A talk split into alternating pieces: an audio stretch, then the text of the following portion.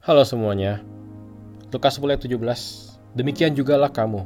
Apabila kamu telah melakukan segala sesuatu yang ditugaskan kepadamu, hendaklah kamu berkata, kami adalah hamba-hamba yang tidak berguna.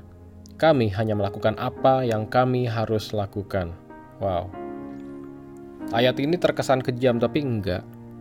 Di sini Yesus bukan mau bilang kamu nggak berguna, bukan mau bilang kita nggak berguna, namun Yesus menekankan pada apa yang memang seharusnya terjadi. Seorang hamba memang harus memberikan yang terbaik. Terlepas dari apakah akan dapat pujian atau tidak. Dapat bonus atau enggak, nggak masalah. Memang harus memberikan yang terbaik. Karena sejatinya, pujian dan ucapan terima kasih dari manusia itu bonus. Tapi seberapa banyak dari kita yang mau kasih terbaik kalau dipuji dulu? Kalau diberi bonus dulu? Begini, saya habis komsel tadi, dan Abang Daud Marianto mengeluarkan sebuah statement yang sangat menarik. Dia bilang kalau kita makan terus garamnya pas, kita puji nggak? Enggak. Kita nggak puji garamnya, kita nggak puji kokinya, karena memang sudah sewajarnya makanan itu harus pas rasanya.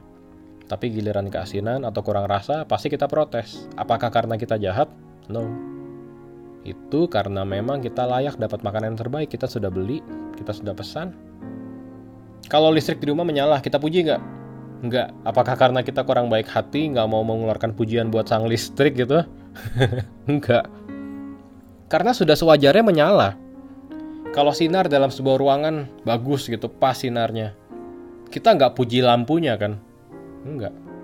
Tapi kalau mati lampu kelar. Yang salah listriknya kita salahin lampunya.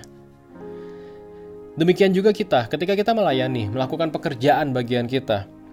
Kalau yang kita lakukan adalah yang terbaik, itu sebuah kewajaran. Memang seharusnya demikian. Bukan untuk dapat pujian. Sekali lagi, itu memang seharusnya terjadi seperti itu. Di sini Roh Kudus mau menekankan, mengajarkan kita tentang mentalitas. So, kalau kamu melakukan salah, pasti diprotes, pasti ditegur. Tapi ketika kamu melakukan yang benar, nggak perlu berharap pujian, karena memang seharusnya demikian.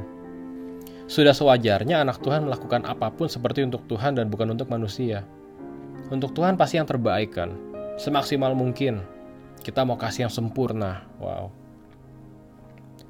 Jadi para musisi singers misalnya, kalau kalian latihan supaya suaranya nggak false, hingga main musiknya bisa nggak salah-salah, itu bukan untuk dipuji. Itu sekali lagi adalah sebuah keharusan, sebuah kewajaran sebagai anak Tuhan untuk jadi excellent. Dipuji bonus, dapat penggemar bonus. Tapi sekali lagi, memang seharusnya demikian. Kalau saya main drum, nggak ada salahnya. Saya nggak berhak minta-minta pujian. Kenapa? Bukan hidup ini terlalu kejam, enggak. Tapi sudah seharusnya sebagai musisi, saya tidak melakukan kesalahan. Ah, tapi kan manusia melakukan kesalahan wajar, Kak. Loh, makanya kita butuh latihan, butuh pengalaman, butuh berdoa. Jadi kesalahan itu tidak dijadikan sebuah kewajaran, Justru yang wajar adalah memberikan yang terbaik semaksimal mungkin. Memberikan yang terbaik itu bukan sekali-kali, tapi setiap kali kita dipercayakan, di mana pun kita berada, sudah sewajarnya, sudah selayaknya kita memberikan yang terbaik. Satu, karena kita anak Tuhan. Dua, karena ada roh kudus dalam hidup kita. Tiga, karena kita bukan anak-anak gampangan. Sebagai kesimpulan, sekali lagi, pujian dan sanjungan manusia itu bonus. Tapi kalau kita intim dengan Roh Kudus, kita akan selalu bisa merasakan perkenanannya. Dan itu yang terpenting.